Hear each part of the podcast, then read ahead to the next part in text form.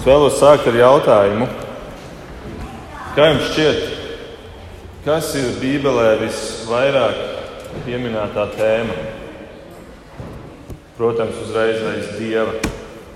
Pēc tam visvairāk minētā tēma. Pareizi. Nauda un īpašumi.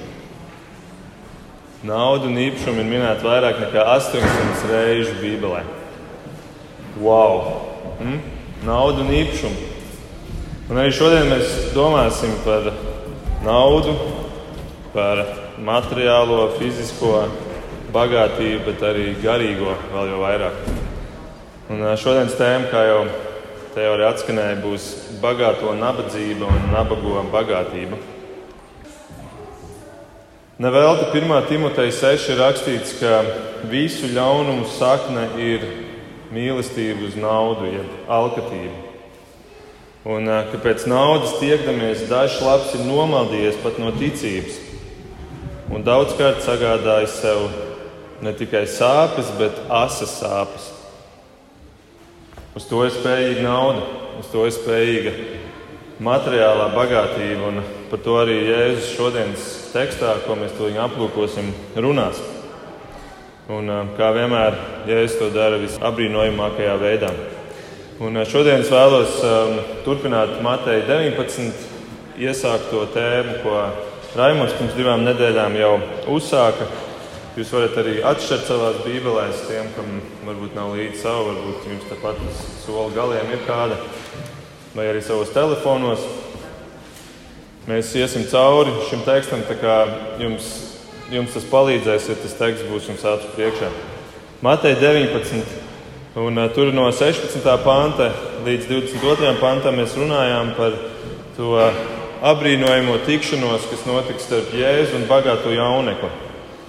Tur pienāca pie Jēzus bagāts jauneklis. Viņš bija ļoti bagāts, viņam piederēja ļoti daudz īpašumu. Un, un, viņš uzskatīja sevi par ticīgu cilvēku.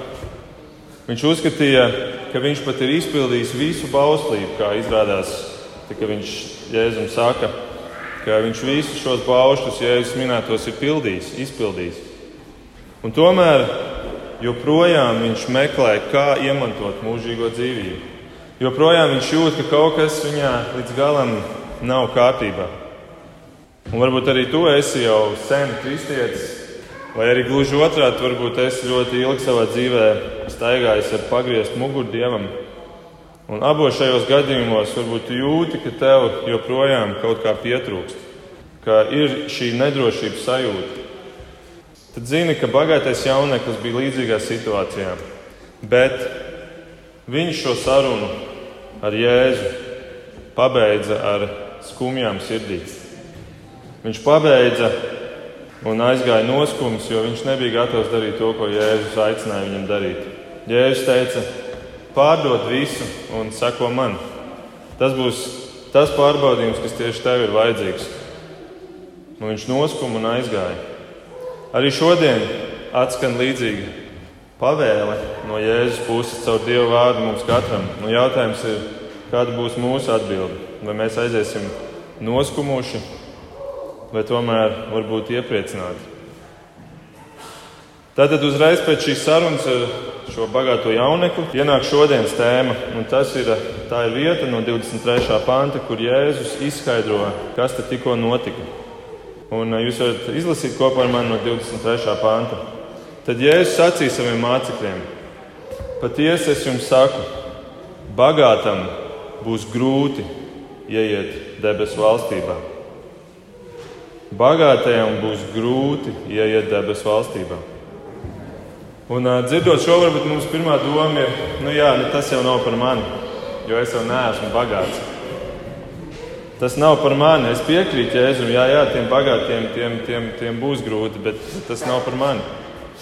Bet, ziniet, ja jūs dzīvojat 21. gadsimtā Eiropā, jūs esat bagāti. Jūs esat bagāti.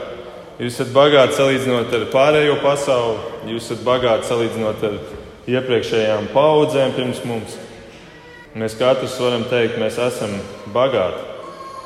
Pat ja mēs dzīvotu uz, teiksim, uz sociālā pabalsta, tad mums joprojām ir šis sociālais pabalsts. Mums ir tiesiska valsts, mums ir ceļi ar trotuāru un, un asfaltu.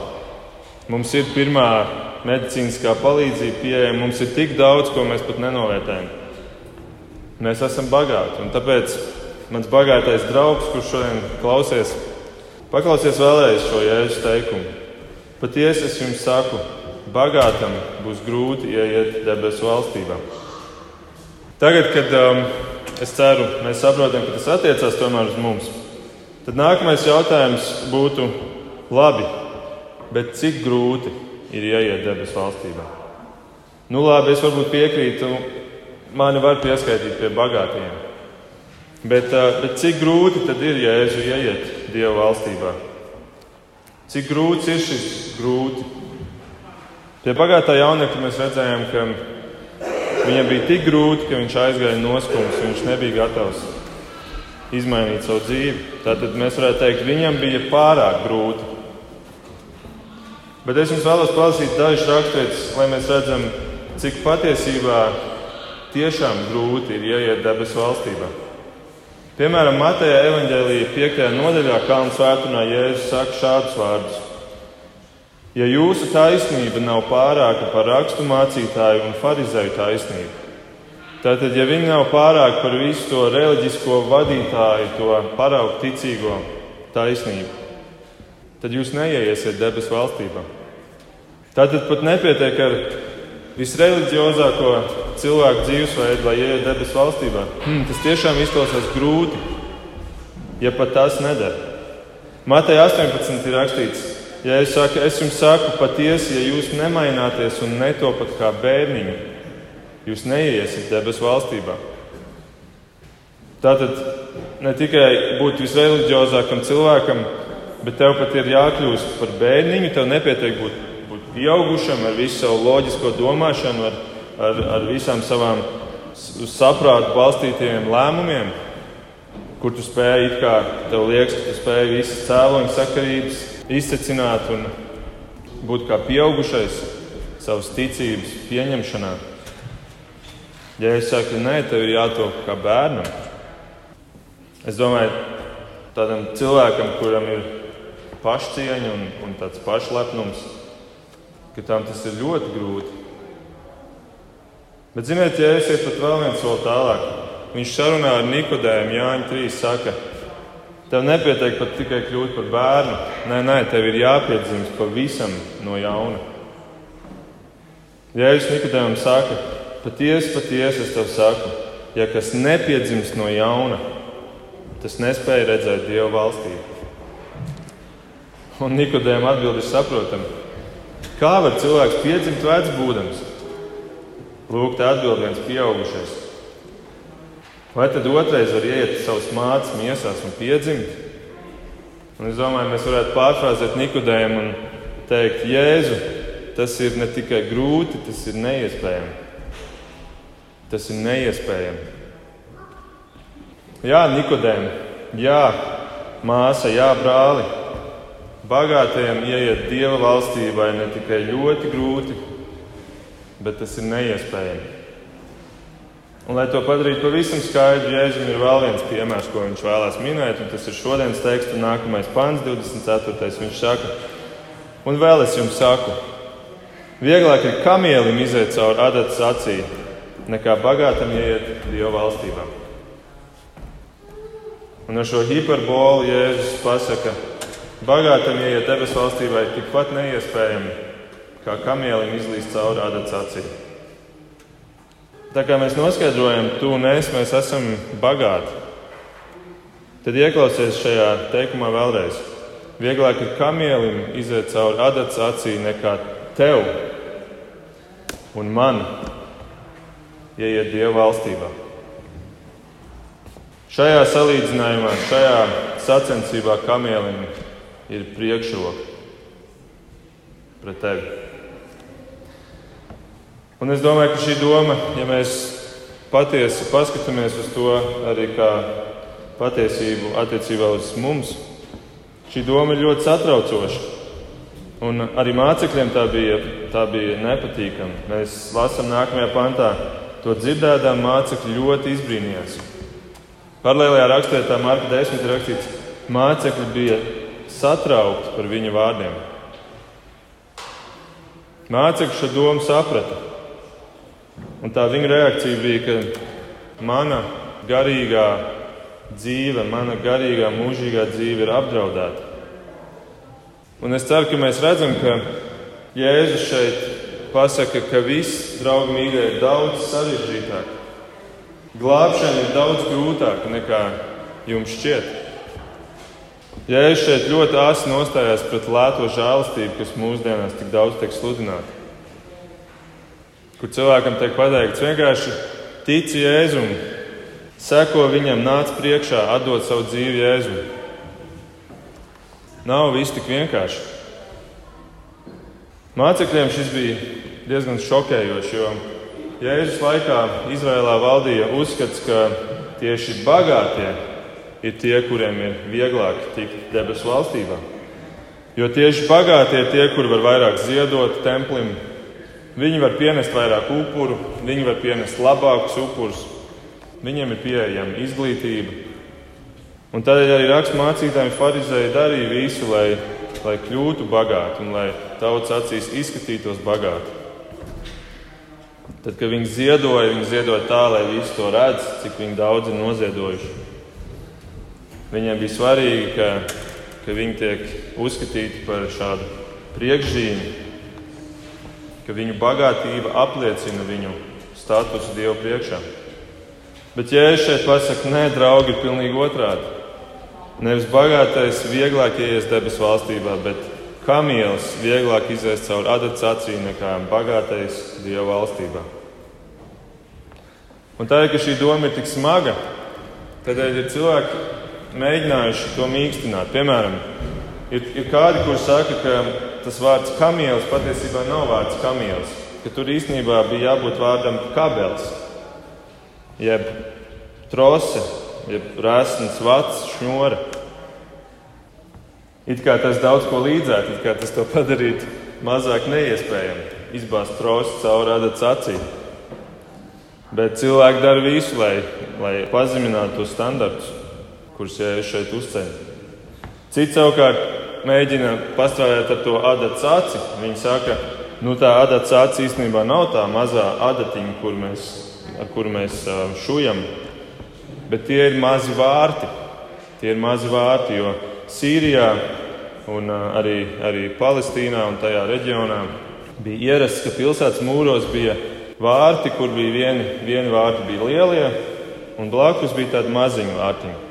Tie lielie vārti bija domāti lopiem un ratiem, un tie mazie vārti bija domāti cilvēkiem. Un tad viņi saka, ka tas, ko Jēzus šeit īstenībā mēģina pateikt, ir, ka tas kamielis mēģina izlīst cauri tiem mazajiem vārtiņiem. Un, un kaut arī tas ir grūti, tomēr tas nav neiespējami. Bet mēs varam būt droši, ka Jēzus šeit domāja kamielu, īstu kamielu.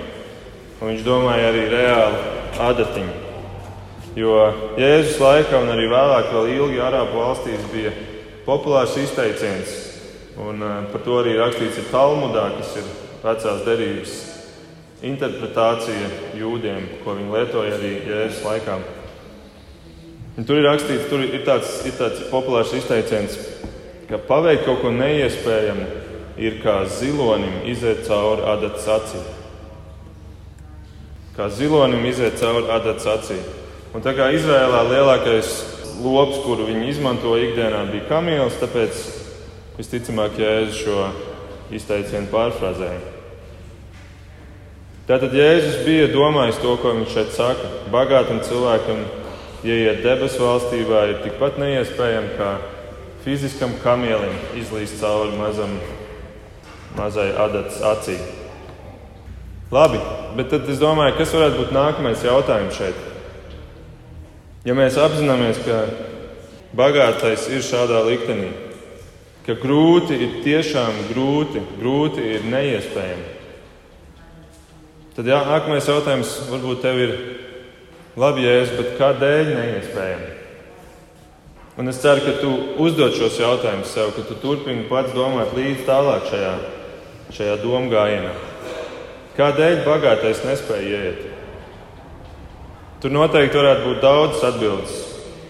Dažas no tām ir, ka bagātībai ir tendence pakļaut sev visu cilvēku laiku, un uzmanību un resursus. Jo vairāk tev naudas un mantas, jo vairāk tev ir rūpes par tām. Kā arī, ka tā ir nopelnīta, pēc tam tev tā ir jānosargā. Un tad tev ir atkal viņa jāpelna klāt, un jo vairāk tu nopelni, jo vairāk tu pierod pie tā, un tev vajag vēl vairāk. Un tas tev ierauj tādā virpulī gandrīz vai.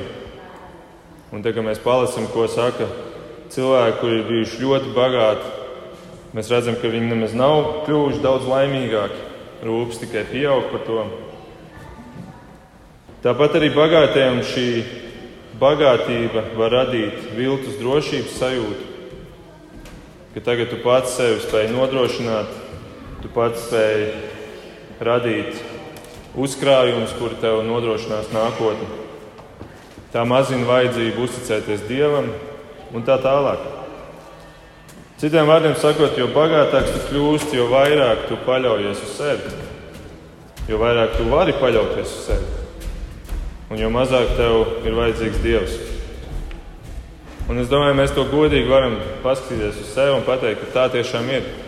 Mēs katrs esam bijuši dažādos dzīves posmos, kur mums ir bijis vairāk, kur mums ir bijis mazāk. Un, un vai nav bijis tā, ka tur, kur ir mazāk, tur arī vairāk mēs lūdzam Dievu. Tad, kad ir krīzes situācijas, mēs vairāk, vairāk prasam viņam, vairāk mums ir attiecības ar viņu, vairāk mēs ceram sagaidīt no viņa. Un tādēļ, es Mateja 6. kalnu svētdienā saku, nekrājiet savu mantu šeit uz zemes. Nekrājiet šeit, te ir tik daudz ienaidnieku, te ir kodas un rūsa un zagļi. Bet krājiet sev mantas debesīs. Jūs taču vēlaties nonākt tur debesu valstībā tad krājiet mantas tur. Tur nav ne rūsas, ne zagļu. Un tad, ja es pasaku, kur ir tava manta, tur būs arī tavs sirds. Un šeit viņš savāk, savāk šīs divas lietas kopā ar tādu trosi, ka manta un sirds tās ir divas neatdalāmas lietas. Tur, kur tu līksi savu mantu, tur arī būs tavs sirds. Tu vari sev mānīt, tu vari sev iestāstīt, ka tā nav. Bet patiesībā katrs cilvēks saprot, ka tā ir axioma. Tas ir pats par sevi saprotams, ka tā ir. Un tādēļ, ja es saku, nekrāj šeit uz zemes, jo tad tavs sirds būs šeit uz zemes, bet krāj debesīs. Tu vēlēsies nonākt debesīs, tad arī krāj savu mantu tur. Un redziet, un tāpēc tā problēma ar bagātību nav tik daudz pašā naudā. Nav tik daudz tajā, ka varbūt mums labi padodas tas, ko mēs darām, izmantojot Dieva dotos talantus. Es nesaku, ka nevajag veidot biznesu. Es nesaku, ka tad, kad tu jūti, ka tev biznesa iet jau pārāk labi un, un varbūt tā pēļņa ar vien lielāku nāk, tev vajag mākslīgi viņu kaut kā bremzēt. Problēma nav naudā. Problēma ir krāšanas faktā. Cik tu krāji, cik tu uzkrāji un kam tu to dari? un kādēļ tu to dari. Es nesaku, ka nevajag arī noguldīt naudu nākotnē, drošībai, nevajag maksāt sociālo nodokli, lai tev pensija kādu dienu būtu. Nē, nē, to visu vajag darīt. Bet jautājums ir, kādēļ tu to dari? Kas ir tā tava motivācija? Un Jēzus par šo krāšanas problēmu runā vienā līdzībā. Mēs viņu nelasīsim, es viņu vienkārši īsti pieminēšu. Līdzībā no Lūkas 12 par kādu bagātnieku. Un tajā līdzībā viņš min, ka šis bagātnieks tik labi strādā, ka viņam peļņa ir ļoti liela. Viņam biznesa tiešām labi iet. Viņam iet tik labi biznesa, ka viņš attopās, ka viņam vairs nav vietas, kur visus tos augļus, tos graudus, kurus viņš ir ievācis, viņam vairs nav vietas, kur tos noglabāt. Un tad viņš izlēma, labi, es novākšu visus savus vecos šķūņus un uzbūvēšu lielos šķūņus. Lielos šķūņus lielos varenos šūņus. Tur būs daudz vietas, kuras varēšu krāpēt, viņas varēšu krāt sev nākotnē. Tur es varēšu krāt savām vecumdienām. Un tad Lūkas 12.19. šis vīrs saka savai dvēselē, tātad viņš pats sev saka. Iespējams, ka tā dvēsele jau kaut ko viņam pretī, pretī saka, tā sirdsapziņa runā, bet nu, viņš saka savai dvēselē, iespējams, lai viņu mierinātu. Viņš saka, tev ir daudz labumu iekrāts. Mm. Tev ir daudz labumu iekrāts uz ilgiem gadiem. Atpūties, dvēselīt. Atpūties, ēd, dzer un līksmo. Cik skaisti tas, tas cilvēks sapnis. Strādāt tik labi, ka tev ir tik daudz, ka tu vari dzīvot mierā, tu vari atpūsties, tu vari līksmot, tu vari svinēt. Tu vari ēst un dzert, un varbūt tev pašam vairs nav jāgatavo, bet tu vari pasūtīt, ka tev visu dara tavā vietā. Tas ir tas dzīves mērķis. Bet tad pēkšņi kā zibens no zilām debesīm ienāk Dievs ar savu atgādinājumu, ar savu vārdu. Un tur ir teikts tā, tad Dievs viņam sacīja: Neprātīgais. Tas vārds varētu būt arī iztulkots kā muļķi. Un zini, un tu negribi, ka Dievs tevi sauc par muļķi. Ja cilvēki tevi sauc par muļķi, lai notiek, tas ir ok. Bet tu negribi, ka Dievs tevi sauc par muļķi. Muļķi! Šajā naktī tev atpūsīs dzīvību. Kam tad piederēs tas, ko tu esi sakrājis? Tā notiek tam, kas krāj tikai sev, bet ne to bagāts dievam. Lūk, bagātības problēma ir tajā, ka tā ir veidota uz nepareiziem drošības pamatiem. Problēma nebija graudos, problēma nebija naudā, problēma bija šķūņos. Problēma bija šķūņos. Un cilvēks arvien vairāk uzticās saviem šķūņiem, un arvien mazāk viņam ir vajadzīgs Dievs. Kaut arī Dievs viņam deva šo ražu Dievs viņam deva talantus, lai viņš spēja pareizi novērtēt riskus un, un peļņas avotus. Dievs viņam to visu dod, bet cilvēks uzbūvēs šķūņus. Nevis dievam, bet sev. Lai šie šķūņi palīdzētu nosargāt sapelnīto. Lai šie šķūņi palīdzētu nosargāt un iegaumēt šo vārdu, nosargāt sapelnīto. It kā jau gudri, bet tā bija rakstu mācītāju un farizēju domāšana. Un tā ir mūsdienu labklājības teoloģijas domāšana, ka tas uzkrātais būs tas, kas tev apliecinās tavu ticību. Jo vairāk tev ir ticības, jo tuvāk tu esi dievam, jo, jo vairāk tev būs šķūņu, kuros uzkrāt labums sev. Tas ir tas apliecinājums, ka tev ir tā īstā ticība. Un šī mācība kļūst tikai ar vien populārāka. Tas nav kaut kas, ko es tagad izrauju no, tāda, no kaut kādas mazas sektas. Nē, tas ir patiesībā populārākā kristietības nozara, jeb novirziens, kuru māca, ka Dievs vēlēs, lai tu esi pilnīgi vesels, un Dievs vēlēs, lai tu esi bagāts, jeb vismaz turīgs. Un, ja tu neesi turīgs, ja tev ir finansiāls problēmas, tad tas ir tavs ticības trūkums. Un, ja tu esi slims un tu nespēji no Dieva saņemt dziedināšanu, tas ir tavs ticības trūkums. To māca arvien vairāk un mācīs, un arī jums mācīs Kristus vārdā. Ķēdes saka pretējo. Drīzāk tas, kuram ir tukšs konts, redzēs Dieva valstību. Drīzāk tas, kuram nav bagātu šķūņu, iemantos mūžīgo dzīvību. Jo, ziniet, tāds cilvēks ar savu tukšumu, tāds cilvēks ar savu nabadzību, ja tā var teikt, apliecina savu ticību daudz vairāk. Viņam visticamāk, kontā nekā nav un šķūņu nav, tāpēc, ka viņš ir devējs, nevis krājējs. Jēzus bija devējs, nevis krājējs. Jēzus deva un deva un deva. Atdeva tik daudz, ka viņam pat nebija kur galvu nolikt pašam. Kaut arī viņš pats bija pasaules ķēniņš, viņš pats bija visu radījis. Viņš bija pasaules radītājs, un viņam nebija kur galvu nolikt. Un tad ir tikai loģiski, ka tie, kuri sekos Jēzum, būs devēji. Tu nevari sekot Jēzum, un tu skaties, Jēzus tur guļ kaut kur ielas malā, zem kāda koka, viņam pat nav kur galvu nolikt, tad tu pats atvedies no Jēzus un aizies uz savu pili un sarunās, ka no rīta Jēzus astoņos atkal tiekamies tirgus laukumā un turpinam mūsu kopīgo misiju. Tas, kurš sako Jēzum, tas būs devējs. Bet, ziniet, šodienas teksts mūs vēd vēl vienu soli tālāk, un es gribētu teikt, vēl vienu soli dziļāk, pazemē. Vēl vienu soli dziļāk, pazemē, jo būs vēl drūmāk. Un tagad atklāsies, cik patiesībā liela ir bagāto nabadzība. Izlasiet 25. un 28. pāntu. To dzirdētā mācekļi ļoti brīnījās un jautāja, kas tad var tikt glābts? Pagaidām apstāsimies šeit. Šis izmisuma pilnais jautājums, bet kas tad var tikt glābts? Jēzus pēc visu tā, ko tu tagad tikko teici, bet tu saproti, ka mēs esam tikai 13, tu un mēs 12, mēs esam jau tā tik maz šaurs lokus, un tu vēl tagad tikai, tikai vēl sašaurini šo loku.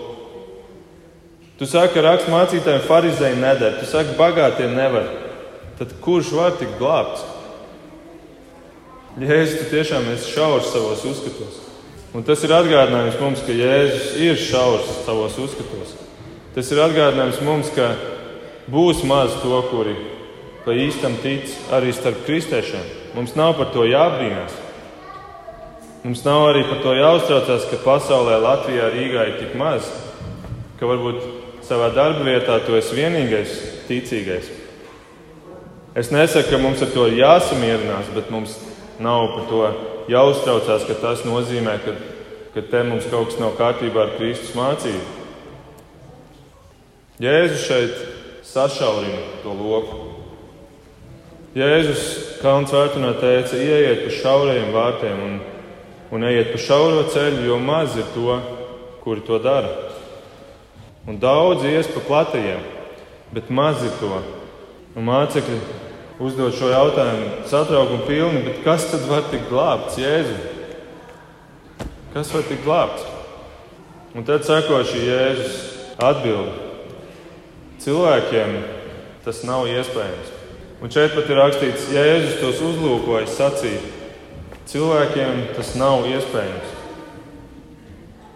Ziniet, ka kādreiz sarunā tur kādu draugu runājies, un jūs varbūt ejat pa ielu un un jūs katrs tur runā un skatās apkārt. Un tad, ja tavs draugs tev tagad atturētu un paskatītos uz tevi un pateikt tev kaut ko sejā, tu saprasti, tas ir kaut kas ļoti, ļoti svarīgs, ko viņš vēlēs, lai tu saproti. Un šeit ir pateikts, Jēzus tos uzlūkojas.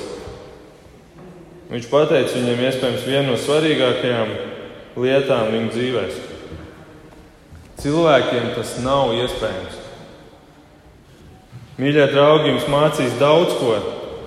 Jums mācīs daudz ko, kā cilvēks var caur kristietību uzlabot savu dzīvi, padarīt to labāku, kā viņš var sākt ticēt, ja viņš labi saņemās un ja viņš ir pietiekami gudrs. Bet, ja es saku, atcerieties, cilvēkiem tas nav iespējams. Un ar to viņš iznīcina pēdējās cerības viņu satraukuma pilnajā jautājumā. Neviens nespēja. Varētu vispār teikt, glābšana ir neiespējama. Neiespējama glābšana. Tā ir Jēzus vēsts. Un tomēr pastāv viena iespēja, bet tikai viena. Tikai viena iespēja, un par to Jēzus nākamajā teikumā saka. Viņš saka, cilvēkiem tas nav iespējams, bet Dievam viss ir iespējams. Dievam viss ir iespējams. Dievam ir iespējams kaut kā, ir iespējams cilvēku glābt, bet ir nosacījums. Un tas nosacījums cilvēkiem nepatīk. Un tas nosacījums ir minēts Jēzus 64. nodaļā, 3. pantā, kur ir rakstīts: Kopš sen, seniem laikiem ne auss to ir dzirdējis, ne ir redzējis, ka būtu vēl cits dievs, izņemot tevi, kas palīdz tiem, kas uz viņu paļaujas. Un tas vārds palīdz tiem, varētu tikpat labi tikt tulkots, un arī angļu valodā tas tiek tulkots kā kurš strādā to labā, kas paļaujas uz viņu, kurš darbojas to labā, kurš paļaujas uz viņu. Redziet, šeit ir teikts, kur vēl ir redzēts tāds dievs kā tu, Jahve, jo tu darbojies cilvēku labā. Visi citi pasaules dievi un mazo dēļ prasa, lai cilvēks darbojas viņu labā. Bet tu darbojies cilvēku labā. Kur vēl ir redzēts tāds dievs? Visās citās reliģijās dievs gaida un cilvēks strādā, bet šeit ir viss pretēji. Šeit dievs strādā un cilvēks gaida. Bet, kā jau es teicu, cilvēkiem nepatīk šī doma. Cilvēkiem nepatīk gaidīšana. Tas ir pretēji viņu bagātnieku dabai. Jo bagātais grib kontrolēt situāciju. Un es ceru, ka jūs jau saprotat, mēs jau esam iegājuši tajā garīgajā dimensijā. Te vairs nav tikai runas par garīgi, par, par fiziski bagātību. Jēzum reti, kad ir vispār doma par kaut ko fizisku, viņš vienmēr domā par garīgo aizstāv fiziskā. Garīgi bagātiem gribēsies paturēt kontroli pār savu garīgo dzīvi, par savu glābšanu. Es esmu garīgi bagāts, ja es pats vēlos nopelnīt glābšanu. Un varbūt es to neatzīšu, teikšu, nu, nē, nē, tas ir jūdeisms, tur pašam nopelnīt ar darbiem. Nē, es visu saņemu žēlastībā. Bet, te, kad tu sāc atvērt vaļā tos varbūt pat tos šķūņu vārtus. Tu sāc skatīties, bet viņam ir tik daudz šīs garīgās bagātības, kuras viņš tomēr pats ir noglabājis sev. Viņš saka, es ar savu brīvo izvēli, ar savu brīvo gribu esmu izdarījis to izšķirošo darbību, kura mani padarīja par glābtu cilvēku. Jā, Dievs man nāca piedāvāja, bet es biju tas, kurš deva savu jāvārdu. Es esmu tas, kurš ir izšķirošo soli spējis. Bet ar to cilvēks vienkārši paceļ sevi augstāk par Dievu. Viņš padara sevi par tiesnesi, kurš saka, man vienā pusē sātans iečukst kaut ko, vienā pusē Dievs, un tad es esmu tas, kurš izdara to galējo izvēli. Es paturu šo kontroli sev. Es būvēju garīgus šķūņus un paturu šos drošības uzkrājums savos spēkos. Un, ziniet, tas izklausās pēc tevis, tad tu esi garīgi bagātais. Un viss, ko es tev varu pateikt, ir, lai Dievs tev ir žēlīgs. Tev pašam par to būs jāatbild Dievu priekšā. Jo tad tu nevien centies pats nopelnīt savu glābšanu, arī ja to neatzīst, ka tā ir nopelnīšana. Bet kas ir likumsakarīgi ir, ka tu pats centīsies to nosargāt pašu spēkiem. Jo garā bagātais atzīst, ka ja jau viņš pats ir to ieguvis ar savu izvēli, tad viņš pats to arī var pazaudēt ar savu izvēli. Citiem vārdiem sakot, debesu valstībā ir bijušas kaut kādas ieejas durvis, bet ir arī kaut kādas izejas durvis, un es nedrīkstu viņām pietuvoties. Man ir jādara viss, man ir jāpūlējas tā, lai es tam tam durvīm, durvīm nepietuvojos. Man ir jāstrādā pretī, man ir jācīnās, lai mani kāds neaiztum līdz tam durvīm, kurā es varu tikt ierauts un pārkāpjot slieksni, pazaudēt savu, savu glābšanu. Un tā nu tikai tad, ja glābšana ir notikusi bez tavas izvēles, tikai tad, ja Dievs ir darījis visu tavā glābšanā, tikai tad arī tavas glābšanas nosargāšana nebūs atkarīga no tevis. Un tālūk ir tā liela atšķirība starp garā bagāto un garā nabago. Matei 5. jēzus saka, laimīgi garā nabagie. Laimīgi garā nabagie. Kāpēc? Tāpēc, ka atšķirībā no garā bagātajiem viņiem pieder debesu valstī. Tie garā bagātie, viņi par jēzu saka, par viņiem Pat kamielis drīzāk izlīdīs cauri adats acī, nekā viņi ieies debesu valstībā. Bet garā nabagie Viņiem pat nav jāiet, viņiem jau pieder. Viņi attopās, kad man jau tā ir dota. Es tikai spēju attapties un pateikt, jā, un paldies Dievam, ka man tā jau ir dota.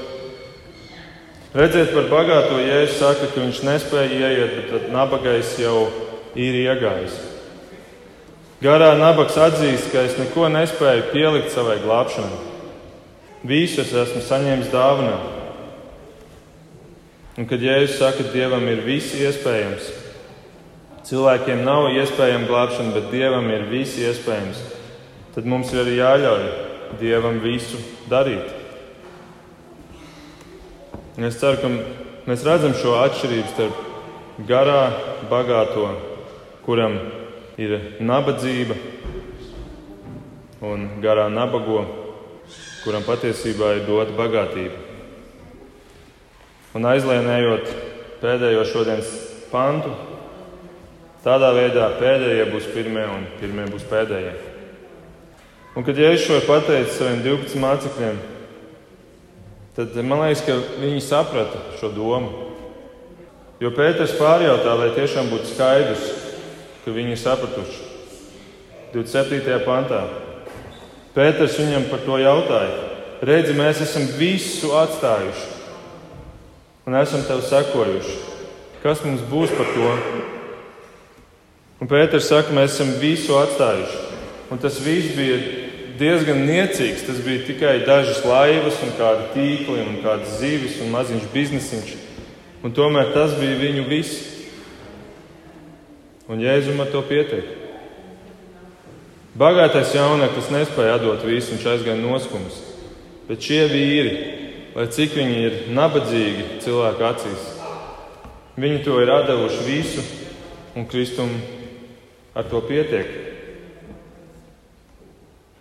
Jēzus atbild viņam un atklāja, cik patiesībā bagāts ir nabagais, garā nabagais. Jēzus atbild viņiem. Patiesi es jums saku, jūs, kas man esat sekojuši, tad, kad viss būs atjaunots un cilvēku dēls sēdēs savā godības tronī, arī sēdēsiet uz 12 troņiem un tiesāsiet 12 Izraēla ciltis. Un ik viens, kas atstājis māju, vai brāļus, vai māsas, vai tēvu, vai māti, vai sievu, vai bērnus, vai tīrums mana vārda dēļ, saņems simtkārtīgi un iemantos mūžīgo dzīvību. Redziet, pasaulē nabagie, Kristus sekotāji, devēji, garīgi nabagie būs īsteni bagāti. Tāpēc, ka viņu bagātība ilgs trīs dzīves garumā. Trīs dzīvju garumā. Pirmkārt, viņš saka, šajā laicīgajā dzīvē jūs saņemsiet simtkārtīgi. Un te nav teikts, ka tev ir viss materiāli, fiziski jāatstāj ka tev, tev, tev pat ir savu sievu jāatstāj. Nē, te ir runa par to, ka tu Dievu noliec pirmajā vietā un ka tu esi gatavs vispār jau pakļaut viņam. Un tad Jēzus saka, jūs jau šajā dzīvē saņemsiet simtkārtīgi. Vai mēs to nevaram apliecināt, ka kaut arī mēs esam daudz kam pateikuši nē, Kristus dēļ, ka mēs esam daudz vairāk saņēmuši pretī? Tā ir pirmā dzīve šodien. Tad, ja jūs sakat, kad viss būs atjaunots un cilvēks dēls sēdēs savā godības tronī, arī jūs sēdēsiet uz 12 troniem un tiesāsiet 12 Izraēla ciltis. Šis ir iespējams vislabākais apliecinājums, bībliskais apliecinājums, ka mūsu pasaulē būs vēl tāds periods, ko teoloģijā sauc par tūkstošu gadu miervalstību. Tad, kad Kristus atnāks atpakaļ un nodibinās savu valstību vēl šeit uz zemes. Arī tur jums būs, jums tiks dots, jūs saņemsiet. Un tad viņš saka vēl beigās, un arī iemantos mūžīgo dzīvību. Lūk, īsteni bagātiem. Trīs dzīvēs.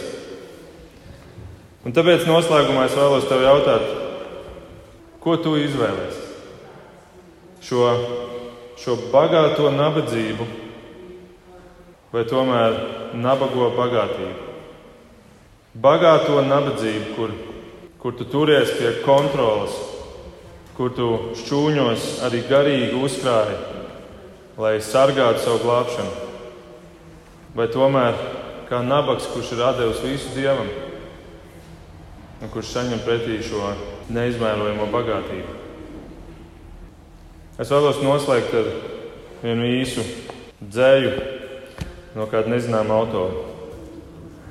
Nauda tev nopirks gultu, bet ne miegu. Nauda tev nopirks grāmatas, bet ne gudrību. Nauda tev nopirks ēdienu, bet ne apetīti. Nauda tev nopirks rotas, bet ne skaistumu. Nauda tev nopirks māju, bet ne māju vietu. Nauda tev nopirks zāles, bet ne veselību. Nauda tev nopirks izklaidi, bet ne prieku. Nauda tev nopirks reliģiju, bet ne glābšanu. Nauda tev nopirks pasi uz jebkuru vietu, bet ne uz debesīm. Lūksim Dievu. Debes Tēvs, paldies par Tavu vārdu. Paldies, Jēzu, ka, ka Tu nāc un ka Tu tiešām peldēji pretī straumei. Palīdz arī mums peldēt tev līdzi, kaut arī mūsdienās tas ir tik grūti. Visa pasaule peld pretī, un vēl pēc tam liela daļa kristietības peld pretī. Bet paldies, kungs, ka tu soli kaut ko daudz lielāku gan šajā dzīvē, gan arī nākamajās dzīvēs. Ja mēs esam gatavi tev atdot visu, es lūdzu, kungs, ka ka mēs varētu ne tikai domāt par to materiālo pusi, bet ka mēs ieraudzītu arī to garīgo, ko nozīmē, ka tev viss ir iespējams. Ka mēs atzīstam, ka viss ir darīts tavā spēkā. Ka mēs esam saņēmuši žēlastībā glābšanu. Un ka glābšanu tāpēc arī neviens darbs nespēja vairs atņemt mums. Lūdzu, kungs, stiprini mūs šajās pārdomās, un paldies, ka tev ir tik labs domas par mums, ka tev ir tik labs mērķis mums, ka tu vēlēsies mūs padarīt bagātākus un palīdz, ka mēs nestātos pretī tam. Lai tev ir viss, tiešām viss gods un slava mūžīgi. Amen.